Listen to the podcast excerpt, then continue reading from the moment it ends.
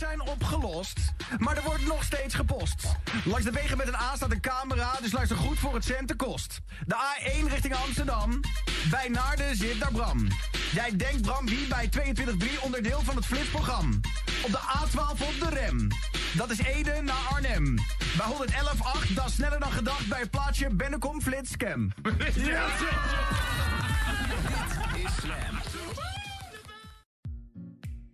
Daniel Lippens werd op 19 december 1988 geboren in Amsterdam en is dus 32 jaar oud. Je kunt hem kennen van zijn radioshows, als voice-over van vele video's van Stuk TV of natuurlijk als host van de grootste talkshow binnen de Nederlandse Twitch-wereld. Deze goedlachse Amsterdammer probeert altijd weer iets nieuws te verzinnen om zijn kijkers en luisteraars te entertainen. Maar wie is Daniel Lippens nou echt? Daar komen we hopelijk in de komende 60 minuten achter. Dit is open, eerlijk en persoonlijk. Dit is het Spreekuur met Daniel Lippens.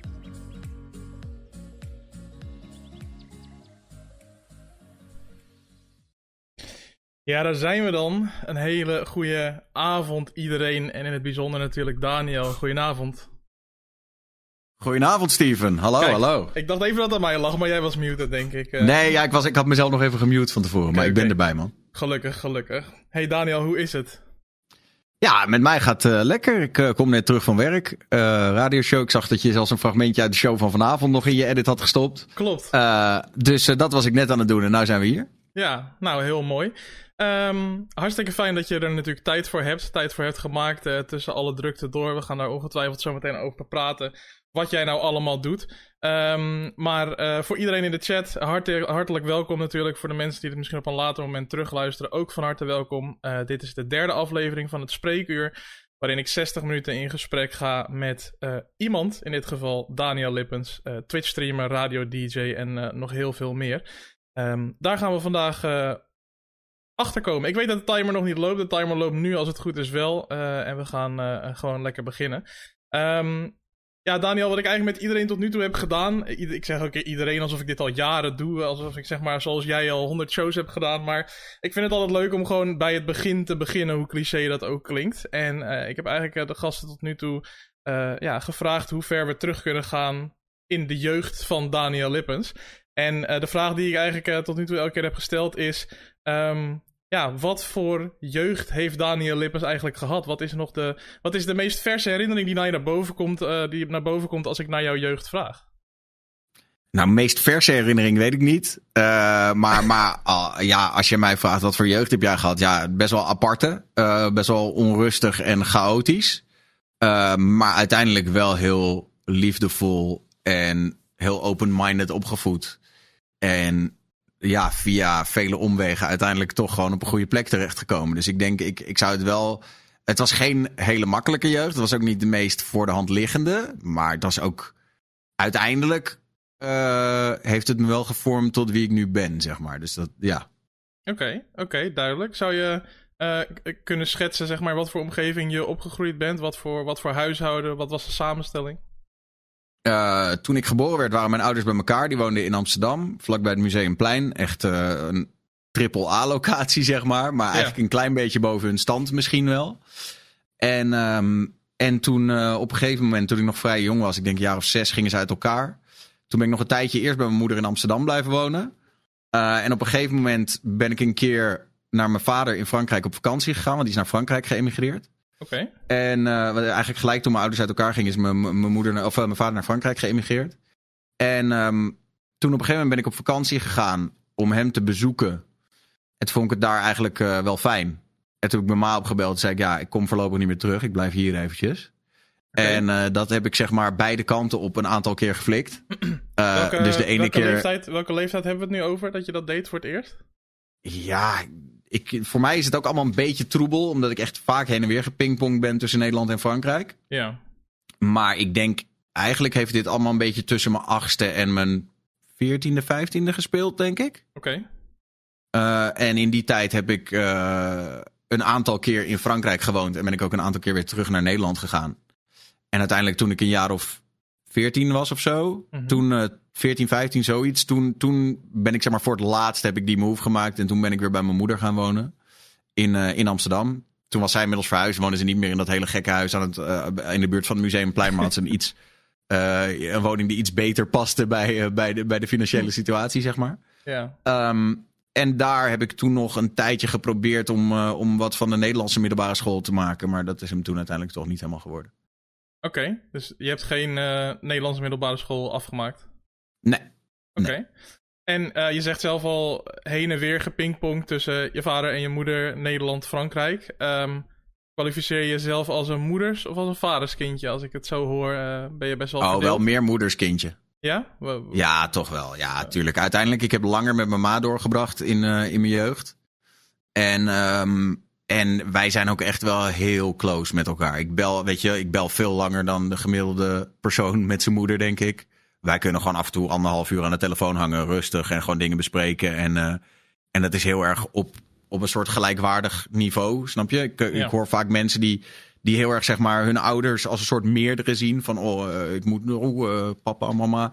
Nee, dat hebben wij minder. Al- Als in, ik respecteer mijn moeder natuurlijk heel erg. En als ze iets zegt, dan neem ik het ook altijd serieus. Maar we kunnen, we kunnen redelijk ja, zeg maar, met elkaar levelen. Zeg maar. ik, kan wel met, ik heb het gevoel dat zij mij ook wel als volwassene ziet inmiddels. En dat we gewoon een volwassen gesprek kunnen hebben met elkaar. Ja, precies. En Ja. eh, middelbare school eh, niet afgemaakt eh, door waarschijnlijk ook de omstandigheden? Of wat?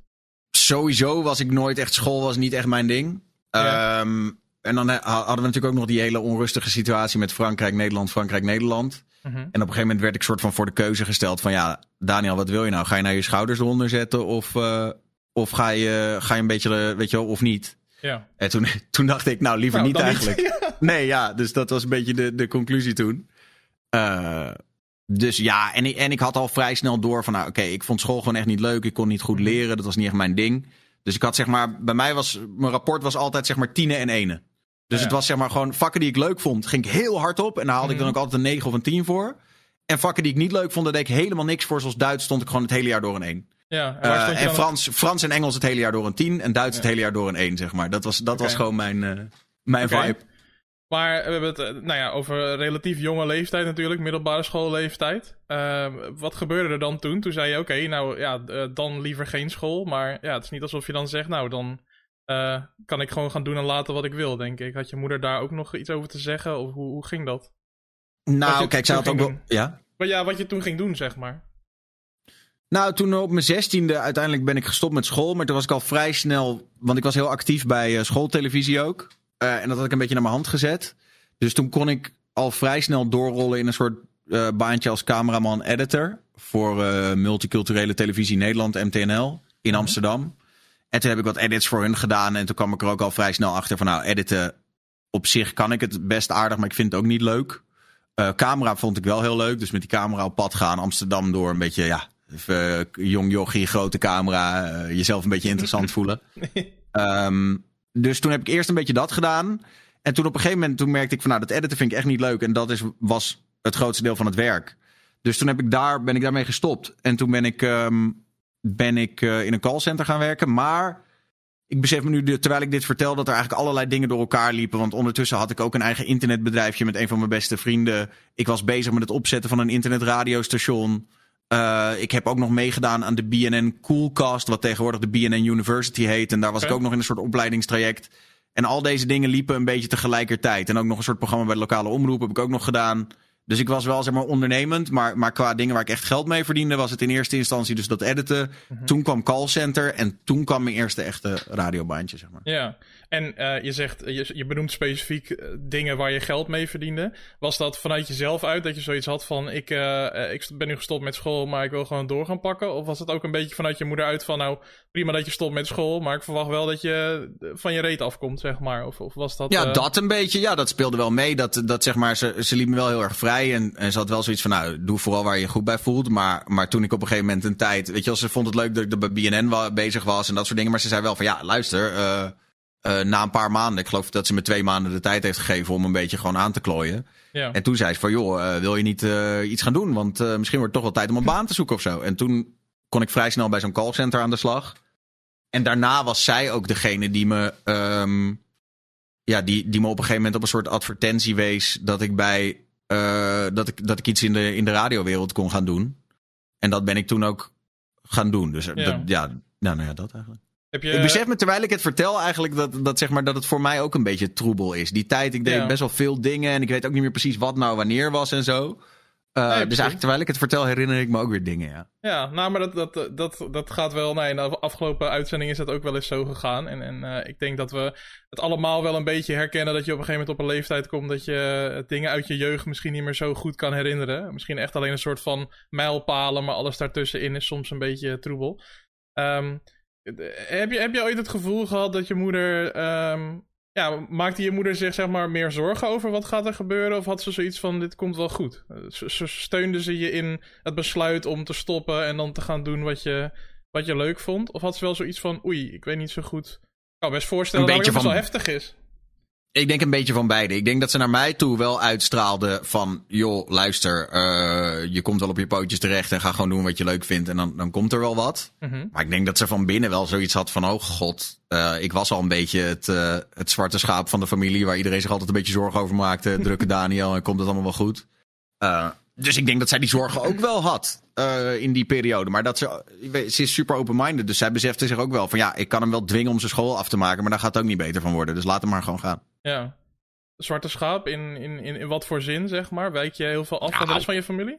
Gewoon, ik was een beetje, een beetje het ADHD-kind van de, van de familie. En al mijn, uh, zeg maar, mijn moeder, die, uh, die haar, haar uh, broer en zus zijn allebei leraar. Weet je wel, in het, in het, of tenminste, nee, zeg ik ook weer verkeerd. Maar haar zus was uh, getrouwd met een leraar. En haar broer was zelf ook leraar. Dus dat was een beetje, waren allemaal vrij brave, nette mensen. Bij wie school heel erg op één stond. En ik was Mhm. toch een beetje die, ja, die, die jongen die maar gewoon een beetje aan het aanklooien was, zeg maar. Je was die jongen in een familie van leraren die stopte met school. Ik kan me voorstellen dat... Ja, uh, ja. dat, snap je? Ja.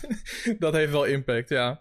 En uh, ja. De, de, passie voor media heeft er dus al van best wel vroeg in gezeten. Je noemde schooltv, uh, video editen en zo. Maar op een gegeven moment zeg je, wees je moeder je op een advertentie specifiek voor radio. Hoe, ja, waarom, zeg maar? Had je dat zelf ook al een beetje uitgesproken? Nou, ik had op een gegeven moment heb ik me op mijn zestiende of zo heb ik me wel beseft van oké, okay, toen, toen was dat editen kwam een beetje tot een einde en toen dacht ik van oké, okay, radio, dat is wat ik wil doen. Ik had ik had in één keer die kronkel in mijn hoofd. Het was ook een beetje 3FM was toen heel hype en dan kon je altijd in de studio meekijken en je had het glazen huis natuurlijk en zo. Um, en toen wist ik dus eigenlijk al van ik wil iets bij de radio doen. Toen was ik al bezig met die internetradio en ook een beetje bij BNN en zo.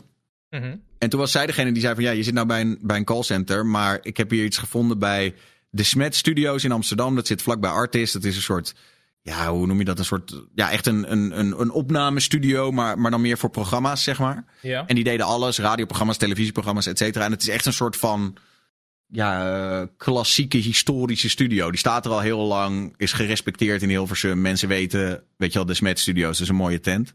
En zij had een advertentie gevonden. Zij zochten een, een junior technicus, het liefst iemand die nog studeerde. En die even, zeg maar, de kutklusjes kon komen opknappen. Maar die wel verstand had van techniek. Ja. Um, en, en dat ben ik toen gaan doen. En het was best een leuk baantje. Um, want het werk was eigenlijk heel simpel. Ik werd op de, de, de bielste tijdstippen werd ik gebeld. En, dan, en ik had een sleutel van die tent. En dan moest ik om uh, half zeven 's ochtends moest ik op mijn fietsje daar naartoe. Gooide ik die studio open. Stond Femke Halsema, destijds nog uh, uh, Kamervoorzitter van GroenLinks, stond dan voor de deur. Ja. Moest ik haar ontvangen. Goedemorgen mevrouw Halsema, wilt u een kopje koffie? Gaf ik haar een kopje koffie, zette ik haar achter die microfoon neer. Maakte ik een inbelverbinding met Hilversum. Weet je wel, zo'n high quality ISDN-verbinding nog in die tijd. En dan uh, checkte ik dat even. Hallo Hilversum, hoort u Femke? Femke, hoort u Hilversum? Oké, okay, nou, dan deed zij 10 minuten een interview met Radio 1. Want zij was te lui om naar Hilversum te rijden. en daarna gooide ik, gooide ik de hele studio weer op slot. En ging ik weer naar huis en ging ik weer mijn bed in. En dat was mijn eerste echte baantje wat iets met radio te maken had. Oké, okay, oké, okay, heel helder. Um, ik denk dat we dan gewoon een beetje gaan, gaan fast forwarden naar uh, uh, de dingen die je daarna hebt gedaan, de jaren daarna. Um, ik uh, speak altijd even op iemands LinkedIn voor deze gesprekken als diegene het heeft. Mhm. Mm -hmm. Toen viel het me al op dat je, ja, of, of bewust of onbewust, of omdat je ze niet gedaan hebt, of dat wist ik natuurlijk niet, want zo goed ken ik je nou ook weer niet. Um, mm -hmm. Geen opleidingen tegenkwam. Nee.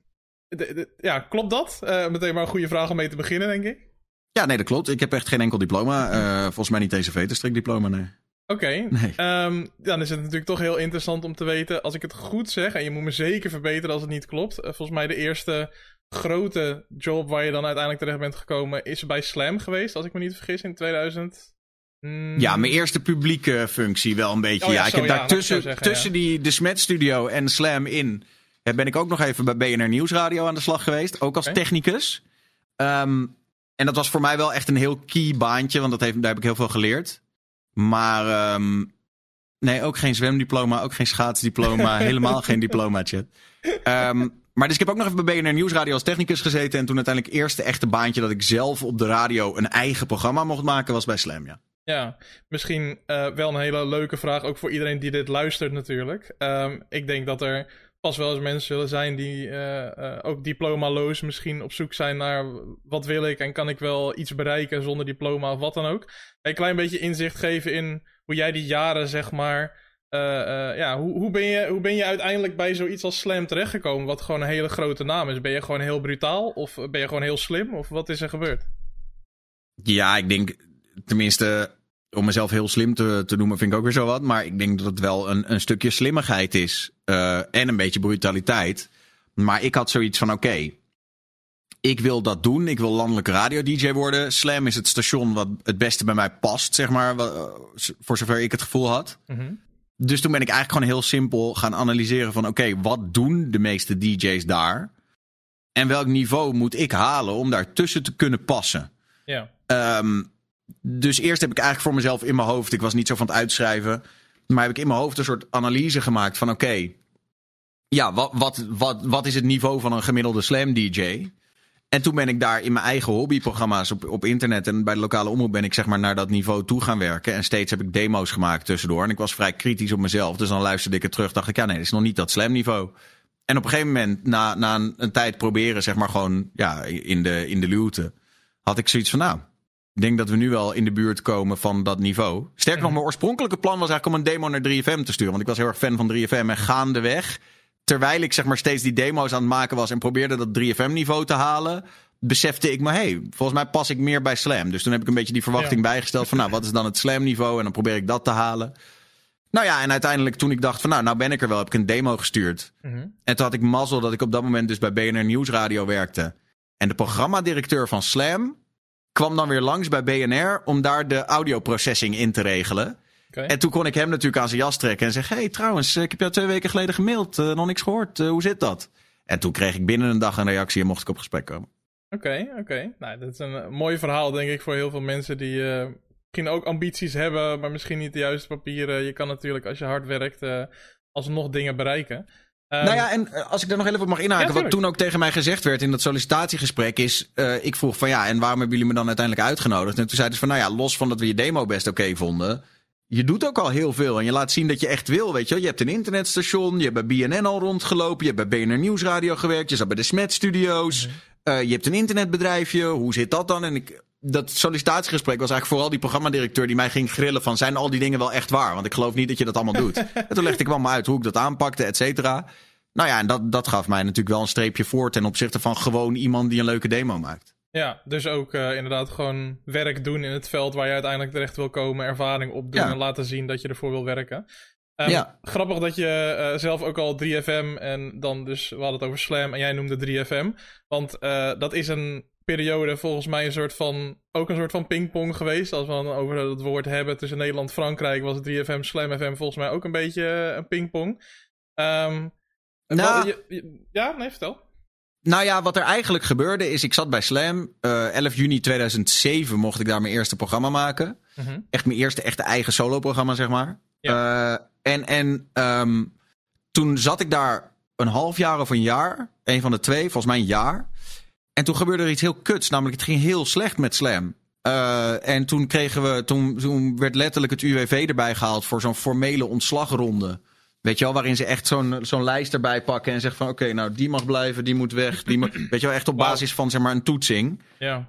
En het was zelfs zo erg dat de guy die, die de taak had gekregen om die lijst zeg maar, te maken van wie moet, mag er blijven en wie moet eruit. Die kwam er tijdens het maken van de lijst achter dat hij zelf ook weg moest volgens de criteria, zeg maar. Ehm, nou ja, en toen mijn contract liep op dat moment af. Dus ik had, ik had nog geen vast contract, ik had gewoon een jaarcontract en dat liep toen af. Ja. Dus toen zei mijn directrice zei tegen mij: Ja, Daan, ik ben heel blij met je. Ik vind het heel leuk. Maar ik kan je niet houden. Want ik kan het niet maken om mensen die hier tien jaar werken te ontslaan. en dan jouw contract te verlengen. Dat kan gewoon niet. Ja. Dus eh, ik zal, eh, wat er ook gebeurt, ik zal een goed woordje voor je doen. eh, in de hele radiowereld. Maar je moet het nu even zelf oplossen. Mhm. En toen ben ik eigenlijk nou, ik wil niet zeggen met tegenzin, maar meer, min of meer noodgedwongen bij 3FM aangeklopt. Ja, want uh, net in dat stukje hiervoor uh, benoemde je uh, dat je eigenlijk eerst voor 3FM wilde gaan, maar dat je tijdens het maken van je demos merkte dat het niveau, je noemde zelf het niveau uh, van 3FM. Uh, en dat het niveau van Slam misschien beter bij je paste. Nou, ik, dat ging niet zozeer over niveau. Nee, nee, nee. Nee, oké. Okay, nee, nee, nee. In, ja. in general, gewoon om bij een van die twee te komen, moest ik een bepaald niveau halen. Ja. En terwijl ik bezig was om dat niveau te halen, besefte ik me dat de stijl van Slam beter ja, bij me paste. Ja, precies. Oké, okay, dat dacht ik al. Ja, nee, omdat je niveau zei, maar ja, oké. Okay. Um, wat is voor jou het grootste verschil in, in stijlen? Voor de mensen die misschien niet zo bekend zijn met beide radiostations. Wat wat was voor jou het ja, grootste verschil?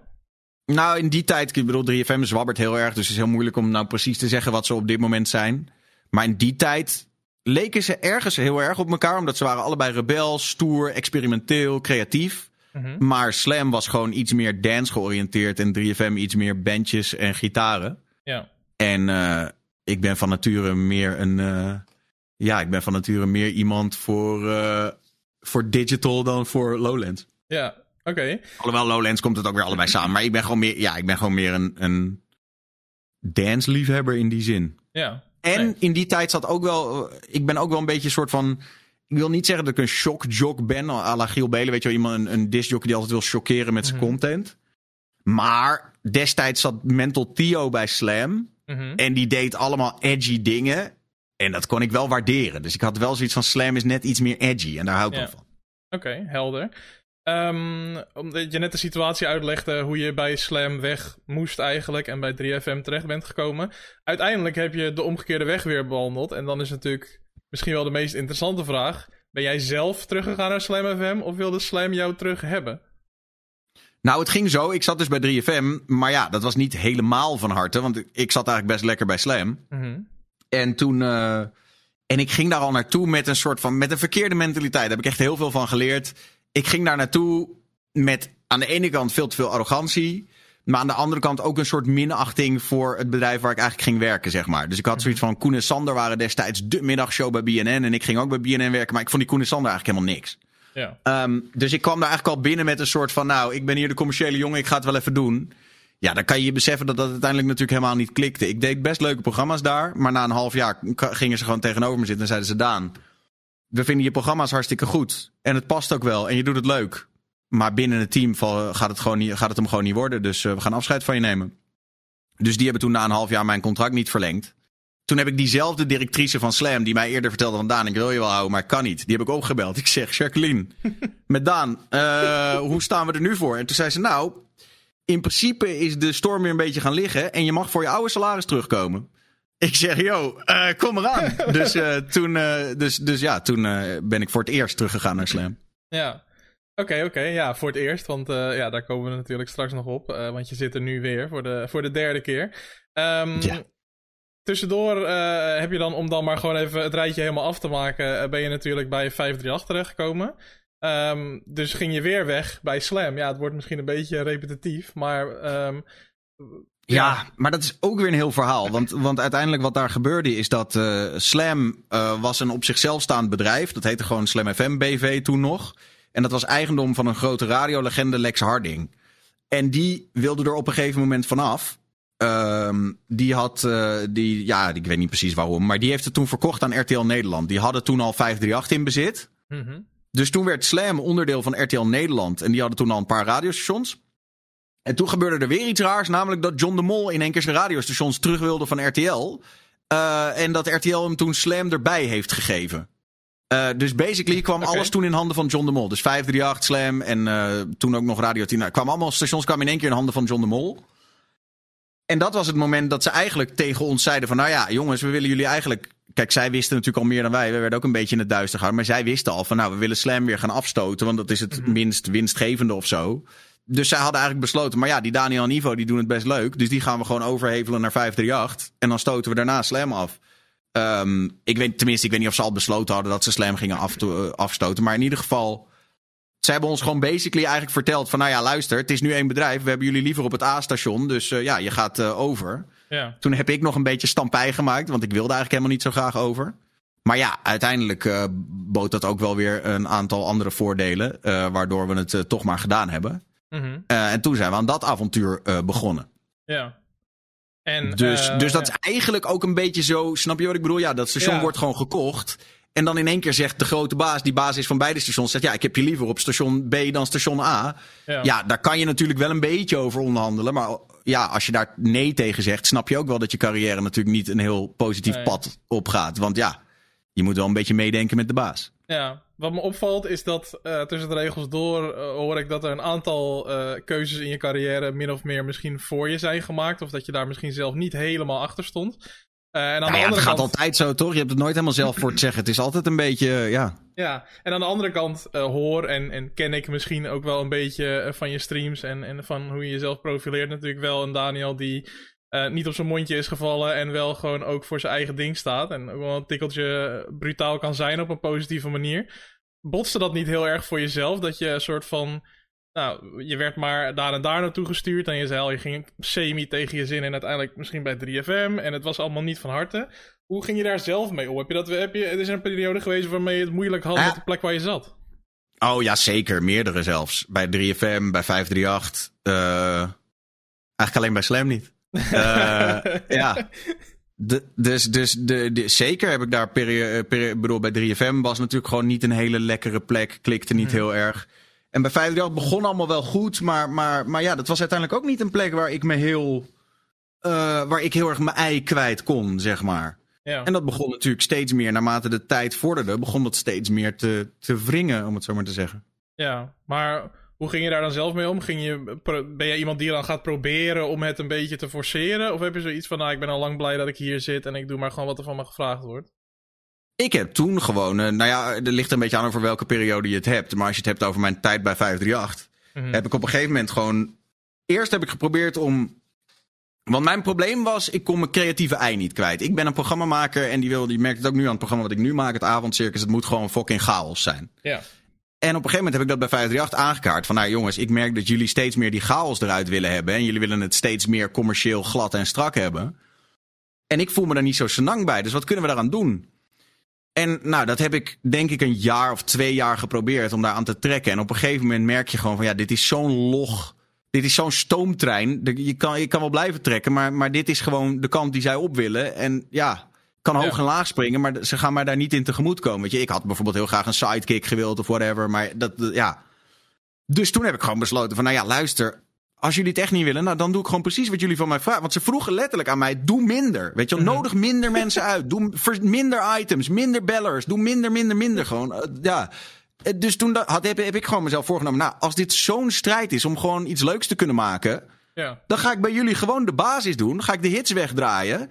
En dan begin ik wel iets op Twitch. Want Ja. daar kan ik wel mijn ei kwijt. Dus zo is eigenlijk het Twitch-verhaal een beetje ontstaan. Ja, want de, de- eigenlijk als ik dit nu even vrij vertaal, dan had je zoiets van, nou, dat doe ik om mijn werk wat moet, waar ik niet per se heel veel plezier aan beleef. En dan ga ik daarnaast iets zoeken waar ik mijn vrijheid in kwijt, mijn creatieve vrijheid in kwijt kan en wel plezier aan beleef. Ja, nou, ik wil niet zeggen dat ik helemaal geen plezier aan het radio maken ben. Want Nee, als je helemaal in de studio bent en je staat helemaal achter die mengtafel, dan is het eigenlijk altijd wel leuk. Mhm. Maar al het gezeik eromheen, daar kan je af en toe heel moe van worden. Ja. Ja, oké, helder. Ehm, nou ja, als we dan toch bij Twitch zijn, eh, als ik het goed heb teruggevonden, ben je in 2019 begonnen met Twitch? Klopt dat ongeveer, Mm. denk je ook, volgens jou? ja, denk het wel. Het is nu 2021. 2020. Ja, begin 2019 echt serieus begonnen. Ja. Ja, precies. Ik, bedoel, ik hing er al wel langer omheen. Ik keek al heel lang. Ik had al langer een account. Maar toen ben Ja. ik echt gewoon ervoor gegaan. Ja, en was dat ook echt het, het, het eh, eh, keerpunt wat je net omschrijft? Van dat je zoiets had van ik kan op mijn werk mijn creatieve vrijheid niet kwijt zoals ik zou willen. Ik moet een andere uitlaatklep hebben? Ja, nou kijk, ik heb altijd wel zo. Kijk, eh, ik, bij mij vindt het uiteindelijk altijd wel een, een weg, zeg maar. Weet je wel, als het lang genoeg duurt en ik ben niet happy, dan, dan Ja. ja. wat jij net zelf zei, ik ben ook brutaal genoeg, dan maak ik het wel, weet je. Ja. Dus ehm, voor mij was het gewoon, is het begonnen met, eh, ik heb hem wel eens eerder laten zien, maar voor mij is het begonnen met een post-it. Ik dacht, oké, ik moet wat. Toen heb ik deze post-it opgeschreven, er staat Content Week. Ja. Eh, en het idee was, nou, als je nou gewoon een week lang de content gaat maken die je eigenlijk zou willen maken, dus echt wat jij leuke content vindt, Mhm. en kijk gewoon hoe dat bevalt. En toen had ik me eigenlijk voorgenomen van, nou, ik ga gewoon een week streamen op Twitch. En dan zien we vanaf daar wel weer verder. Ja. Ah, nu zijn we hier. Ja. En de- misschien een hele open deur hoor. Maar van waar de keuze uiteindelijk voor Twitch? Je had ook YouTube-content kunnen gaan maken of podcasts kunnen gaan maken. Of zoveel verschillende opties natuurlijk. Omdat dit heel erg bij mij past. Het is heel erg Daniel. Gewoon, uh, ik ben, wat ik al zei, ik ben te lui voor editing. Of ik vind dat niet leuk. Dus ja, dan houdt YouTube al snel op. Want ja, dan zou ik heel veel moeten gaan editen. Of ik moet iemand uit. En ik ben ook nog eens heel erg kritisch. Dus dan als ik iemand anders het laat doen, dan heb ik zoiets van ja, maar kan het beter zelf. Dus ja. nou, dat hield voor mij al vrij snel op. Want vond ik gewoon niet leuk.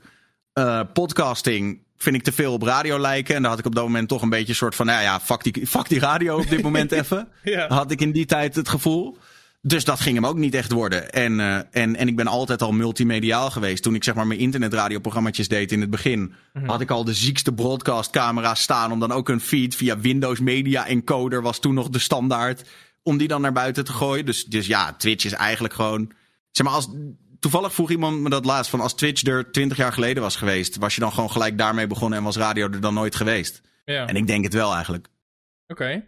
En uh, je zegt net die post-it, Content Week. Dus je begon toen gewoon met een, met een idee eigenlijk. Uh, kan je je nog herinneren wat die eerste Content Week voor jou is geweest? Ik, ik weet dat je heel vaak gestreamd hebt, dat je in de auto zat onderweg uh, van huis naar werk en zo. Was dat waar het mee begon? Ja, nee, dat, was, dat kwam echt later hoor. Want toen okay. had ik al een IR, tegen, die, tegen de tijd dat dat kwam, had ik alweer een IRL backpack. Dat was echt ja. wel, zeg maar, fase 2.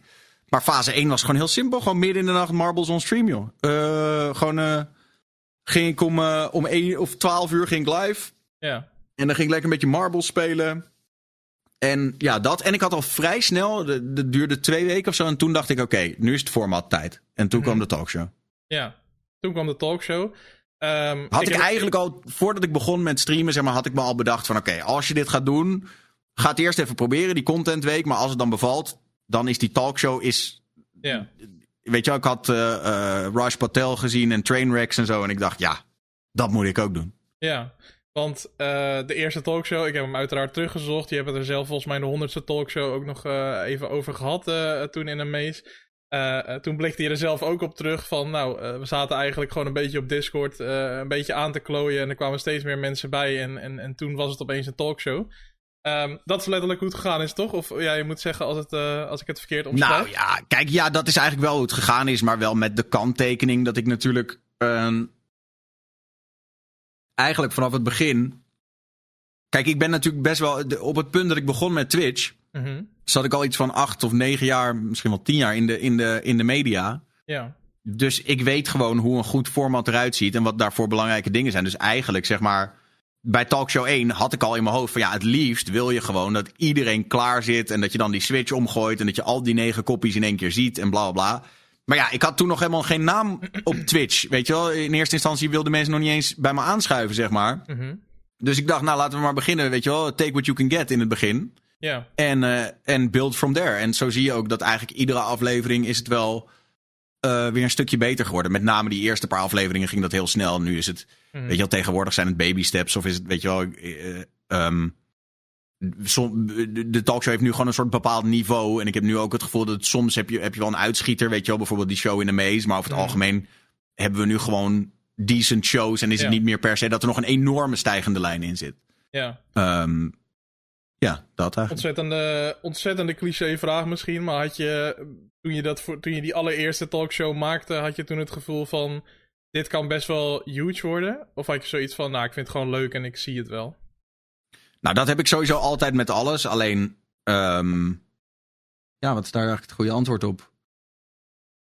Laat ik het zo zeggen, ik ben wel iemand dat als ik ergens aan begin, dan ik doe het, ik doe het goed of ik doe het niet. Mm -hmm. dus, dus ik had wel zoiets, dat was wel de ambitie. Ik had, laat ik het zo zeggen, als het na als ik na tien talkshows of na vijf talkshows niet het gevoel had van hier zit potentie in of dit gaat ergens naartoe, ja. dan had ik het waarschijnlijk niet doorgezet. Okay. Um, dus het ja. feit dat het nog steeds loopt, is omdat ik gewoon het gevoel heb van, van er, zit, er zit potentie in. Ja, nee, duidelijk. Um, ja. Duidelijk verhaal. Um, ik uh, zet even een klein stapje terug vanaf 2019. Ik wilde heel even terug naar iets uh, uit 2016. Uh, toen was ESL Benelux in de Amsterdam Arena. Daar was jij ook bij betrokken als host, als ik me niet vergis. samen met mm -hmm. Marcella toen de tijd. Um, mm -hmm. Ja, je was natuurlijk al wel met, met, met, presenteren. En je was natuurlijk op de radio. Dus je was er al wel heel erg veel mee bezig. Alleen als ik me niet vergis, was het de eerste keer dat je eh, echt presentatie ging doen voor iets met gaming of met, met e-sports in ieder geval. Ehm, waarom trok dat je toen om dat te gaan doen? Was dat, was dat iets wat je altijd al wilde of kwam het zomaar op je pad? Nou ja, het ding is eigenlijk, en dat is een beetje. ehm, dat is een verhaal wat, wat ik eigenlijk eh, eerder misschien al had moeten vertellen. Maar dat, het- ding is dat toen ik een jaar of 16 was, zeg maar, toen ik weer terugkwam bij mijn moeder voor die laatste keer, was ik gewoon, en eigenlijk altijd mijn hele jeugd al, was ik gewoon die standaard PC-nerd, zeg maar. Weet je, mijn maten en ik, we hadden allemaal PC's, we speelden allemaal Warcraft 3. Zelfs nog in de tijd voordat we fatsoenlijk internet hadden, gingen we naar een of andere buurman van mijn beste vriend. En die had dan een LAN-netwerk met van die printerpoorten aan elkaar, weet je. En dan gingen we Red Alert tegen elkaar spelen.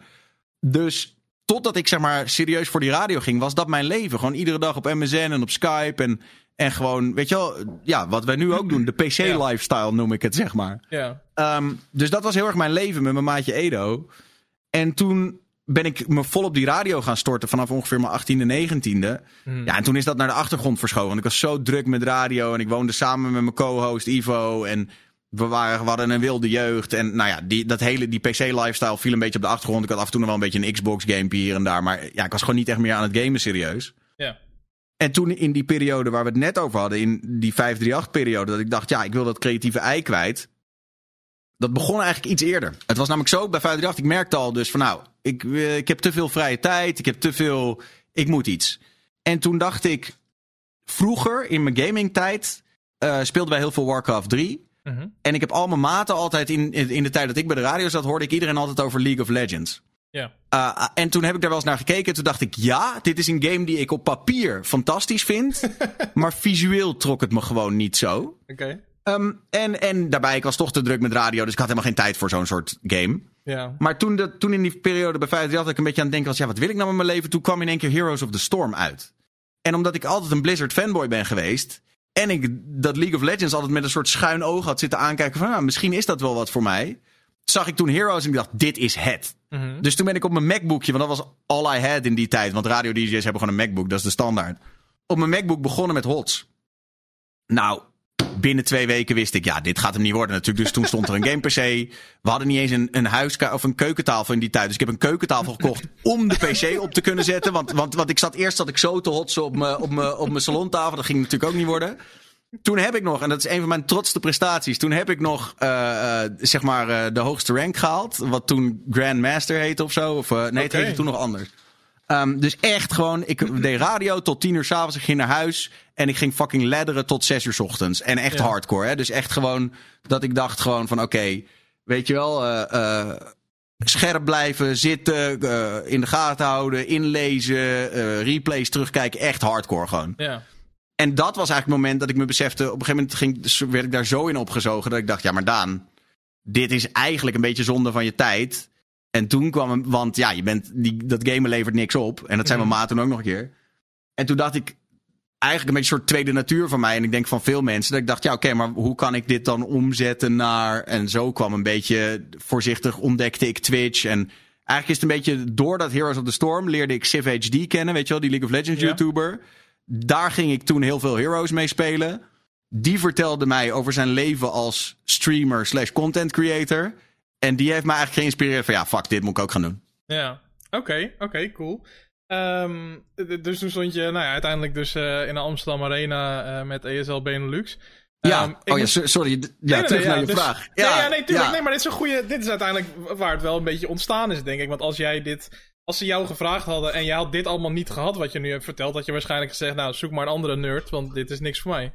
Ja, nee, en ik had natuurlijk altijd al een gaming item op de radio ook. En zo kende ik Wart Gene van de Power Limited en Maarten Blonk ook. En ik was al een keer met hun mee geweest naar BlizzCon, want ze hadden me uitgenodigd. Want ze zagen, hé, hey, dit is die guy van de radio en die vindt het eigenlijk toch allemaal wel tof. Ja. Um, dus dit paste heel erg in mijn nieuwe ambities. Namelijk Daniel, die misschien wel iets op Twitch wil gaan doen. Ja, maar je bent uiteindelijk ironisch genoeg op Twitch natuurlijk. Ik denk dat weinig mensen je een game streamer zullen noemen. Dat doe je natuurlijk wel, dat doe je natuurlijk wel maar ik denk dat niet veel mensen je zo zullen kennen. Um, nee, maar ja, goed, uiteindelijk, ik bedoel, ik had ook zoiets. Kijk, dat is denk ik ook mijn unieke input. Mm -hmm. Dat ik zoiets had van: luister, ik ben one of you. Ik ben, ik ben een gamer. Ik hoor bij deze club. Maar ik ga jullie wel even laten zien wat echt content maken is, jongens. Ja. Als in, ik had zoiets van, ik ga mijn expertise over content, ga ik loslaten op die gaming scene. Mhm. En dan gaan we het misschien wel een beetje wegtrekken van gaming, maar tegelijkertijd wel met die mensen iets heel tofs doen. Ja. Als ik hem even, dan overdrijf ik hem misschien heel erg, maar het klinkt een beetje alsof je ook wel. Je kan wel een beetje met een missie naar Twitch. Dat je dacht van, ik ga wel even laten zien wat je ook nog kan op dit platform. Of dat je vond dat het niet, platform niet optimaal werd gebruikt misschien. Ja, maar ik denk dat het ook een beetje, het was ook, eh, nu ik het er zo over heb, het was misschien dat. Maar ik Mhm. denk, ik had ook wel wat aan mezelf en aan de wereld te bewijzen. Zo van, ja, wat jullie nu van mij horen op de radio is niet de full potential van wat Daniel kan maken. Ja. Dus het was ook wel, ik wil het ook wel gewoon bewijzen aan. Weet je wel, als, als ik nu, nu inmiddels, is die hele radioscene is om en komen mensen de hele tijd naar me toe van, oh, en wat je doet op Twitch en echt tof en bla bla bla. Ja, dat eerste jaar keken ze echt een beetje op me neer. Oh ja, en eh, hoeveel mensen kijken er dan? Oh, 30. Oh ja, nou, eh, zonde van je tijd toch? Pik, eh, bij de radio hebben we een half miljoen luisteraars. Wat, Ja. ben je nou mee bezig? Weet je, dus, dus, dus ik had ook gewoon een soort van, ja, ik had een soort bewijsdrang. Dat ik dacht, ja, maar ik geloof hierin, dit gaat hem worden. Ja. En, ik zal, en, en ergens ook gewoon, ja. Dus het was meer, het was meer dat ik, ja. Meer voor jezelf, als ik het Ja, zo... Ja, ja oké. Nou ja, dat is, dat is ook een goede drijfveer. Misschien nog wel beter dan, dan eh, eh, om het aan anderen te bewijzen. Ehm, Ja. Ik, eh, het was pittig lastig om eh, interviews met jou te vinden. Ik weet niet of je gewoon nooit interviews geeft of, of dat ze moeilijk te vinden maar zijn. meestal neem ik ze af, hè. Dat is een beetje Ja, dat is ook wel het ding natuurlijk. Ehm, maar eh, rondom ESL Benelux vond ik er toch eentje van je met IGN Benelux. En ik, eh, ik vond er een quote uit die ik toch, toch even mee wilde pakken. Omdat die volgens mij best wel reflecteert ook op het hele Twitch gebeuren. Dat was namelijk dat er aan je gevraagd werd hoe je je voorbereidde op die show. En toen zei je, nou, een beetje de kunst afkijken bij anderen. Hoe zij het aanpakken en dan kijken hoe ik dat dan mee zou kunnen nemen en misschien zou kunnen verbeteren, zeg maar.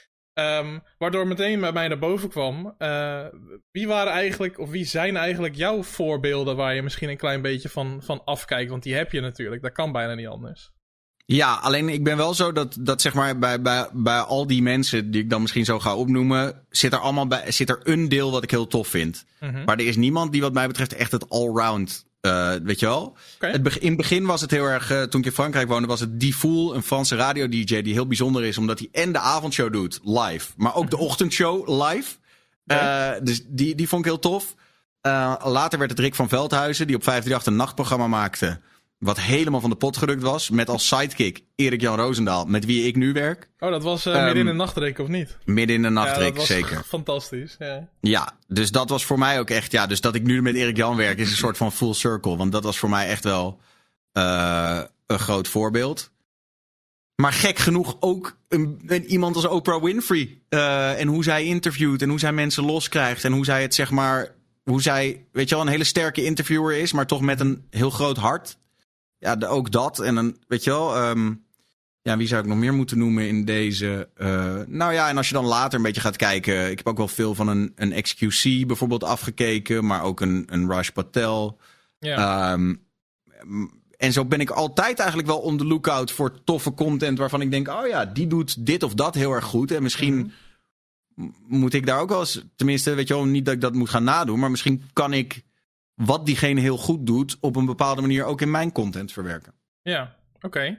Ehm, als ik hem omdraai, heb je zelf eh, soms het gevoel of de realisatie dat jij misschien voor heel veel andere mensen ook, zeg maar, het voorbeeld bent? Of heb je daar wel zoiets van meegemaakt? Dat mensen specifiek naar jou toe komen of je misschien een berichtje sturen van...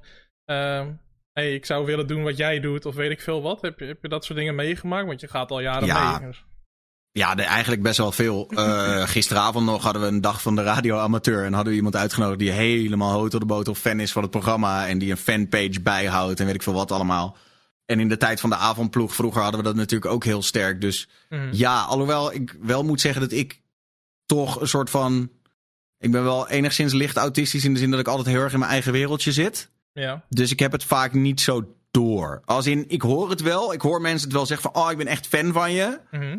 Maar ik kan het in mijn eigen hoofd heel makkelijk wegbagatelliseren met... ja, joh, zal allemaal meevallen. Weet je wel, dat, ik kan, het, het is niet alsof, het, alsof ik het echt besef. Ja. Want ik heb zelfs zoiets van... ja, maat, eh, wat is er nou om fan van te zijn? Weet je wel, Je- ik ben altijd nog wel vrij nuchter daarin.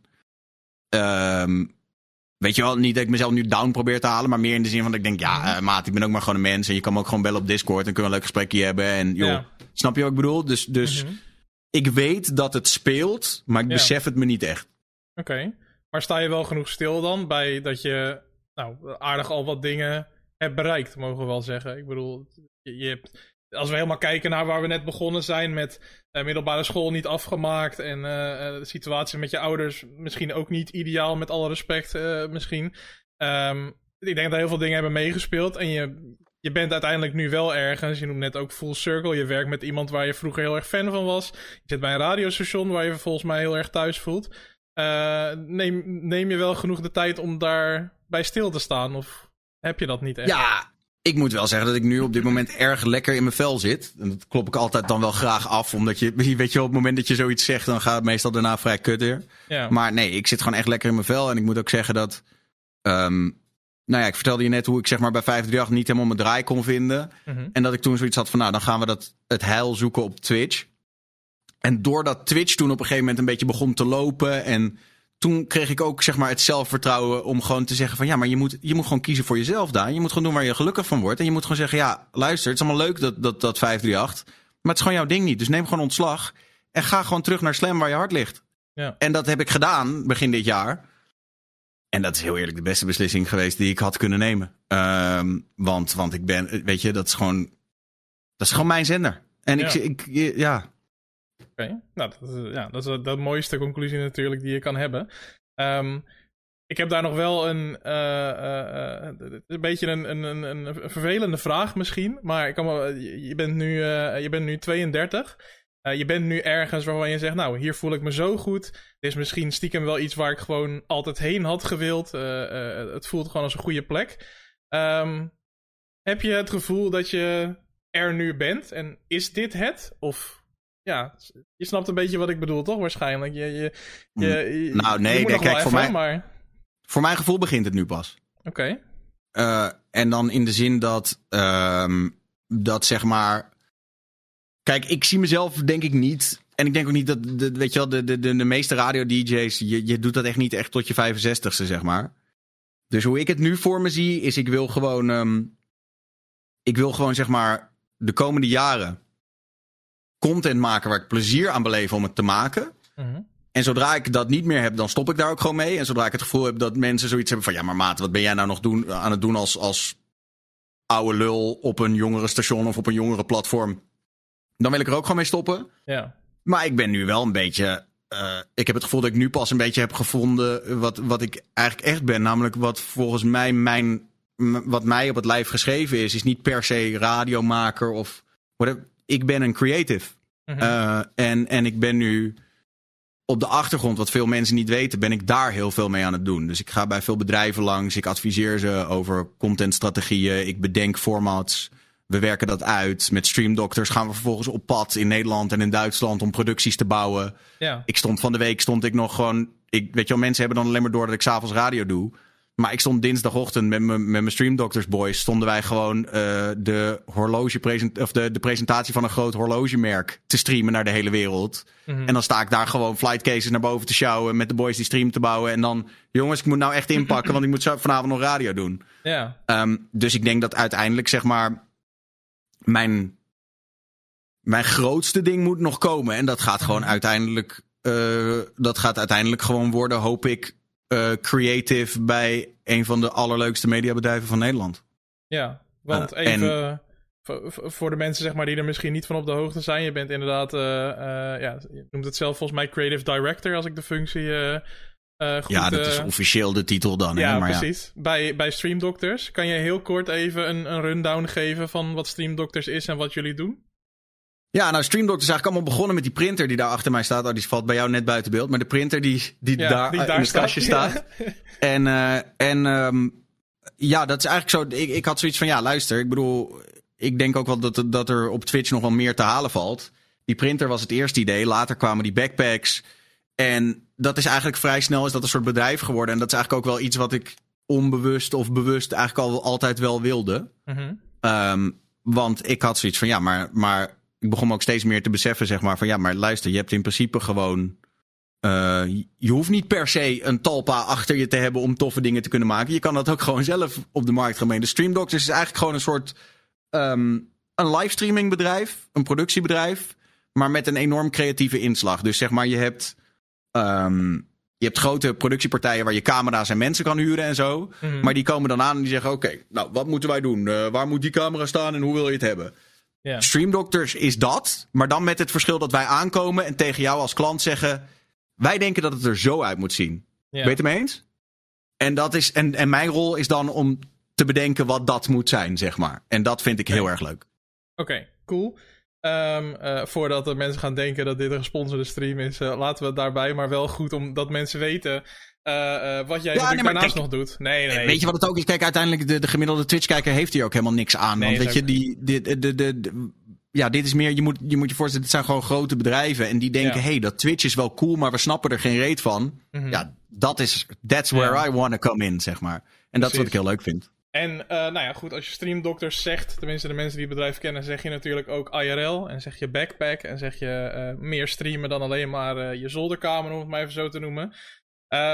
We kunnen er natuurlijk niet omheen, Daniel. Sorry, we hebben het 50 minuten lang er niet over gehad. Maar eh, we weten natuurlijk allemaal dat er een incidentje is geweest met jou op Twitch en tijdens je IRL-streams. Ehm, ik, ik, wilde er, dus- ik wilde er zeker geen, geen, geen groot ding van maken of geen, geen drama van gaan maken. Maar het is natuurlijk onderdeel van, eh, van, van wat jij hebt gedaan op Twitch. Ehm, ja, even in het kort natuurlijk, voor de mensen die het niet mee hebben gekregen. eh, eh, je streamde best wel vaak dat je in de auto zat. Eh, je streamde gewoon met een, met een, met een via de car kit. Dus het was niet dat je de telefoon of camera of zo in je handen had. En er gebeurde een aantal, waren een aantal situaties achter elkaar in het verkeer die niet helemaal goed gingen. Ehm, ja, hoe, hoe heb jij die periode ervaren? Want ik, wacht, laat ik, eerst, laat ik eerst eerlijk zeggen, ik kende jou toen nog helemaal niet. Jij was die radio-dj die naar Twitch kwam. En eh, eh, heel, d- zeg maar, heel veel mensen die ik er ook over sprak toen het gebeurde, die hadden zoiets van... Ja, wat is dit voor gast, weet je wel? Wat, wat is dit nou? En, en dit kan toch niet? En mensen eh, eh, eh, vonden het ja, best wel heftig wat er gebeurd was. Maar ik heb nooit jou erover gesproken. Dus ik wilde toch de mogelijkheid, eh, van de mogelijkheid gebruik maken om eens een keer aan jou te vragen hoe jij dat toen de tijd hebt beleefd. En, en wat voor ja, feedback of kritiek jij erop gehad hebt. Of, of ja, Ja, nou ja, het was gewoon een enorme mediastorm, toch? Het was letterlijk Ja. dat eh, mensen riepen, hij moet gecanceld worden. ja. Ja, kijk, en in die tijd heb ik me gewoon volledig overgeleverd aan mijn PR-team. Die gewoon Ja. zeiden, luister, dit is wat jij nu gaat doen om dit recht te trekken. Mhm. En dat heb ik gedaan. Eh, en ik heb eigenlijk gewoon mijn verstand op nul gezet. ja. Ja, en, het- maar het begint natuurlijk bij gewoon... Ja, maat, ik had, ik had gewoon eh, bijna niet geslapen die nacht. Ik had een super verrot gezicht. Ik denk, ja, ik richt die camera wel op de weg. Want als ik hem op mezelf richt, dan, dan, dan zie ik er te verrot uit. ja. En toen had ik ook nog zoiets van, nou, oh ja, en dan moet ik ook nog een beetje op mijn rijstijl. Dus dan ga je, ik ging ook nog proberen mijn rijstijl, zeg maar, soort van aan te passen, weet je Oh wel. ja. Op, op, oh ja, mensen kijken mee. Maar daar ga je dan eigenlijk alleen maar veel kutter van rijden. Want eigenlijk normaal gesproken ben ik een stuk, ik ben een hele assertieve chauffeur. Nou ja, dat hebben mensen denk ik ook wel gezien. Maar normaliter, ja, dan, weet je, en nu ging ik er te veel over nadenken. En ik was nog met die stream en... Ik zat ook niet lekker in mijn vel op dat moment. En whatever. Nou, en alles kwam samen. En dan, ja, dan maak je gewoon één domme autorit. En Ja. S'avonds waren er clippies van gemaakt. En eh, een van mijn goede maten, Barry, zegt tegen mij... Daan, zou je die clippies niet offline halen? Want dat kan dan wel een verhaal worden. En ik ben gewoon die jongen die tegen hem zegt... Ja, maar luister, dit is toch wat er gebeurd is? Dit is wie ik ben. Ik bedoel, ja, ik had gewoon mijn dag niet. En zo heb ik die dag gereden. Ja, I own it. ja. Volgende dag had ik wel heel veel spijt dat ik die clips niet had gedelete. Zeg ik je wel heel Ja. eerlijk. ja. Toen het op Dumpert helemaal los ging... en toen ik iedereen aan de lijn had... toen dacht ik, mijn god. ja. Eh, Heb je, ja. je, je zei net van eh, mensen diepen gecanceld worden en eh, nou, je PR-team en alles erop en eraan. Is het, een, is het een periode geweest waarin je wel eh, ook misschien een beetje bang was van dit kan uit de hand lopen of dit kan mijn carrière kosten of weet ik veel wat. Ik bedoel, het is niet alsof je iemand dood hebt gereden, maar het werd wel heel erg opgeblazen natuurlijk. Ja, dat was echt gigantisch, man. Ik ben bij Jeugdjournaal, Show News, Boulevard, weet ik veel wie allemaal. Ja, Ja, ik kan je vertellen, dat is echt wel kut hoor. Als in, ehm, zoals met alles in het leven, nu, nu weet je wel, later eh, kan, je er, eh, kan je er ook, eh, ja, kan je, kan je er wat nuchterder naar kijken of wat meer met afstand. Mhm.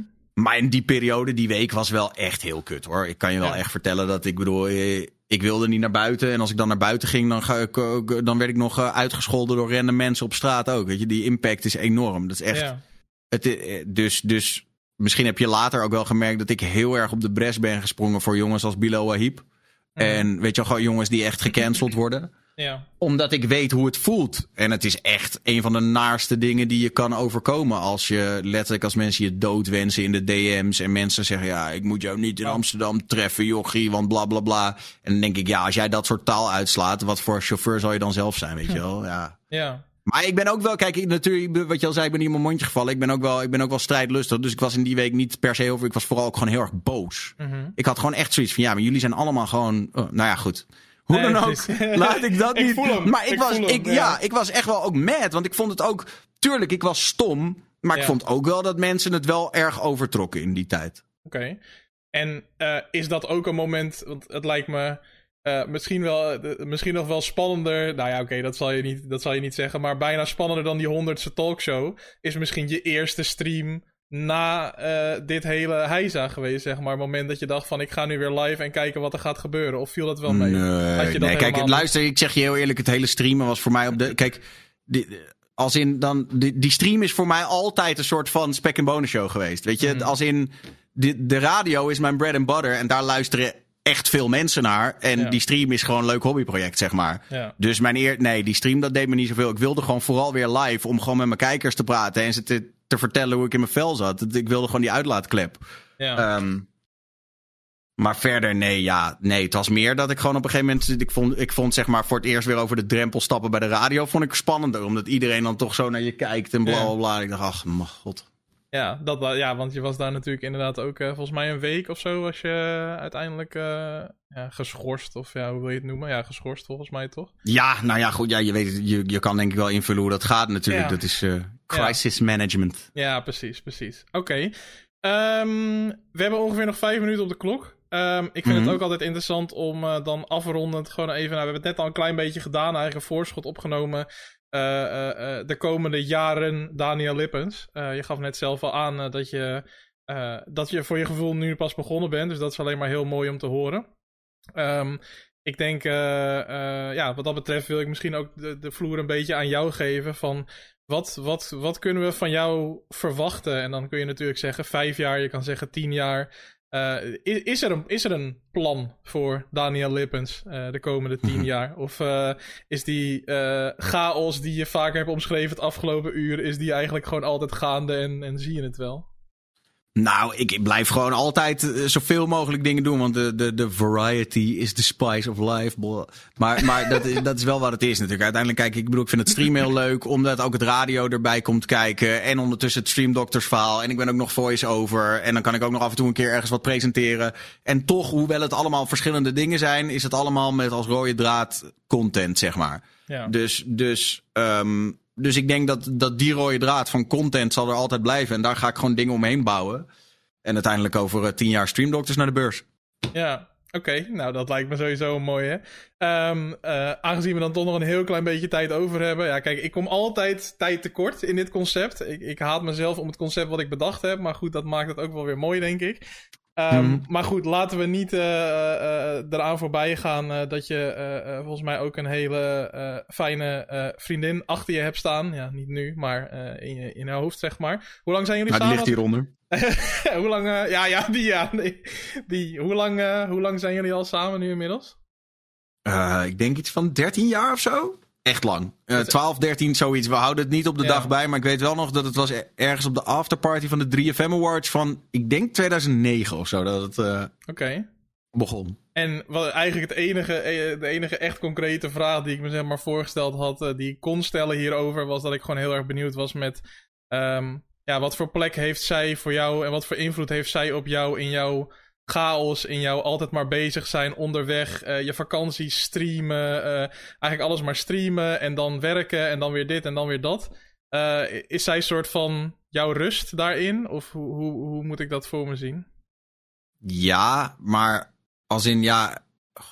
Ja, vind ik moeilijk om, om te zeggen. Als in, ja, wij voelen elkaar gewoon heel erg. En zij snapt gewoon... Ik denk dat er gewoon maar heel weinig mensen zouden kunnen zijn die dat zeg maar aankunnen. Eh weet Ja. je, ik, ik, ik denk dat ik echt niet eh, de beste, het beste vriendje ben, zeg maar. Mhm. Want ik ben er vaak niet. En als ik er wel ben, dan ben ik soms gewoon met mijn hoofd ben ik er niet. Uh, en, en weet je wel, en, ik, en dan ben ik ook nog eens zo iemand die gewoon ook niet heel erg van plannen houdt. Dus dan kan zij in haar hoofd hebben, nou misschien gaan we vanavond wat leuks doen. En dan in één keer vijf minuten van tevoren zeg ik, ja, by the way, ik heb besloten we gaan vanavond met de boys naar Rotterdam, want we gaan daar iets doen, whatever. en dan, ja, en dat, dat is hoe het is. En andersom, kijk, en wij zijn, en in die zin heeft ze mij zeg maar, dus dat begrijpt zij heel erg. En heeft ze dat zelf ook uh, weet je wel, heeft zij dat zelf ook heel erg. Dus zij, andersom, ja, we laten elkaar gewoon heel erg vrij. Maar ondertussen zijn we wel elkaars vaste waarden en steun en kunnen we het overal over hebben. En we snappen mekaars situatie, toch? Zij snapt ook content, ja. ze maakt zelf ook radio. Um, ja, dus, dus ik ben daar gewoon heel blij mee met, met die relatie. In de zin dat het, dat het voor mij, ja, ik kan me eigenlijk niet beter, uh, niet beter voorstellen. En gewoon iemand die, ja, die mij snapt en, uh, en die mij gewoon in mijn in mijn waarde laat. En als ik inderdaad zeg van ja, luister Kijk, bijvoorbeeld het ding, de, de meeste relaties zouden het heel bizar vinden dat wij nooit tegelijk gaan slapen, weet je wel. Ik ga hier gewoon vannacht nog tot vijf uur zitten en dan ga ik nog even wat dingetjes doen en misschien nog wat mailtjes. Ook s'nachts vind ik ook rust in mijn hoofd. Mm-hmm. Ook om gewoon hele, weet je wel, om soms gewoon een heel concept uit te schrijven of zo. Maar ook gewoon om een beetje te chillen met mijn boys op Discord. Ik heb dat gewoon nodig voor mijn, voor mijn, ja, mijn, mijn sanity, ja, zeg maar. sanity, ja, ja. En zij gunt mij dat. Uh, en dat, um, ja, want zij staat gewoon morgenochtend om 8 uur s ochtends staat zij gewoon weer uh, klaar om haar werk te gaan doen. Nou, dan ga ik er net in, basically. Ja, dat is heel raar voor veel mensen, maar dat is ook het geheim. Ja, klinkt alsof je uh, in ieder geval op dat vlak heel gezegend bent. Uh, je praat er ook met, met veel liefde over, dus dat, dat is mooi om te zien. Ja, um, nou, het is ook leuk dat zij ook een beetje tegenwoordig, weet je wel, dat ze dan ook gewoon af en toe een keer in een stream zitten. Zo. Dat waardeer ja. ik wel. Ja, nee, ja, hartstikke leuk. Um, ik denk dat we het heel mooi rond hebben gemaakt. Uh, en ik denk dat we, uh, zoals net als mijn, mijn, vorige gasten, hadden we er waarschijnlijk zo nog een uur achteraan kunnen plakken. En we hadden veel langer door kunnen gaan over van alles en nog wat. Maar uh, bij deze was dit in ieder geval het uur. Um, ik sluit hem altijd eerst even af voor de Spotify-opname. Um, en dan gaan we nog heel eventjes kort een paar minuten verder op Twitch. Maar in ieder geval voor nu, Daniel, heel erg bedankt voor je tijd. Um, ik vond het heel erg leuk, heel erg leerzaam ik kende je nog niet zo heel erg goed en ik heb een hoop over je geleerd. En ik hoop dat veel mensen die dit luisteren um, ook veel over je geleerd hebben en het hartstikke leuk vonden om te horen. Um, dus dank daarvoor. En, ja, Steven, jij, bedankt, jij bedankt man. Want ik vind ook, het is, het is ook wel tof dat, dat iemand gewoon moeite doet om, om zich te verdiepen in, in wat, je, wat jij allemaal doet, weet je wel. Dus dat is ook, dat is ook gewoon tof om te horen dat jij daar, dat je daar echt in gedoken bent. En, nou, en dus ook een beetje zoveel, ja, dus ook zoveel weet van wat ik allemaal gedaan heb en zo. Dus Thanks daarvoor. Ja, geen enkel probleem. Um, iedereen die hem uh, uh, teruggeluisterd heeft of live geluisterd heeft, in ieder geval heel erg bedankt voor het, uh, voor het luisteren of het kijken. Um, daarbij laat ik nog even weten dat de eerstvolgende aflevering, dat is natuurlijk ook belangrijk als je dit hoort of kijkt, is op woensdag 17 november. Die is wel weer gewoon om 8 uur, want dan heb ik geen radio-dj te gast, maar dan heb mm -hmm. ik Stream with Lean te gast. Uh, die schrijft om 8 uur aan om 60 minuten lang te praten over haar uh, leven en over alles erop en eraan. Dus uh, keer 17 november zeker terug op dit kanaal om dat mee te krijgen. daarnaast hebben we om dit seizoen af te ronden nog twee andere mensen die ik zo goed mogelijk verminkt heb op de foto. 1 december en 15 december. Um, er waren al wat mensen die aardig wat gokjes hadden gedaan op Twitter. En uh, de goede antwoorden staan er zeker tussen. Dus uh, uh, als je daar interesse in hebt, dan kom op die data zeker terug. Voor nu bedankt voor het luisteren. En hopelijk tot de volgende keer bij Het Spreekuur. Heel erg bedankt.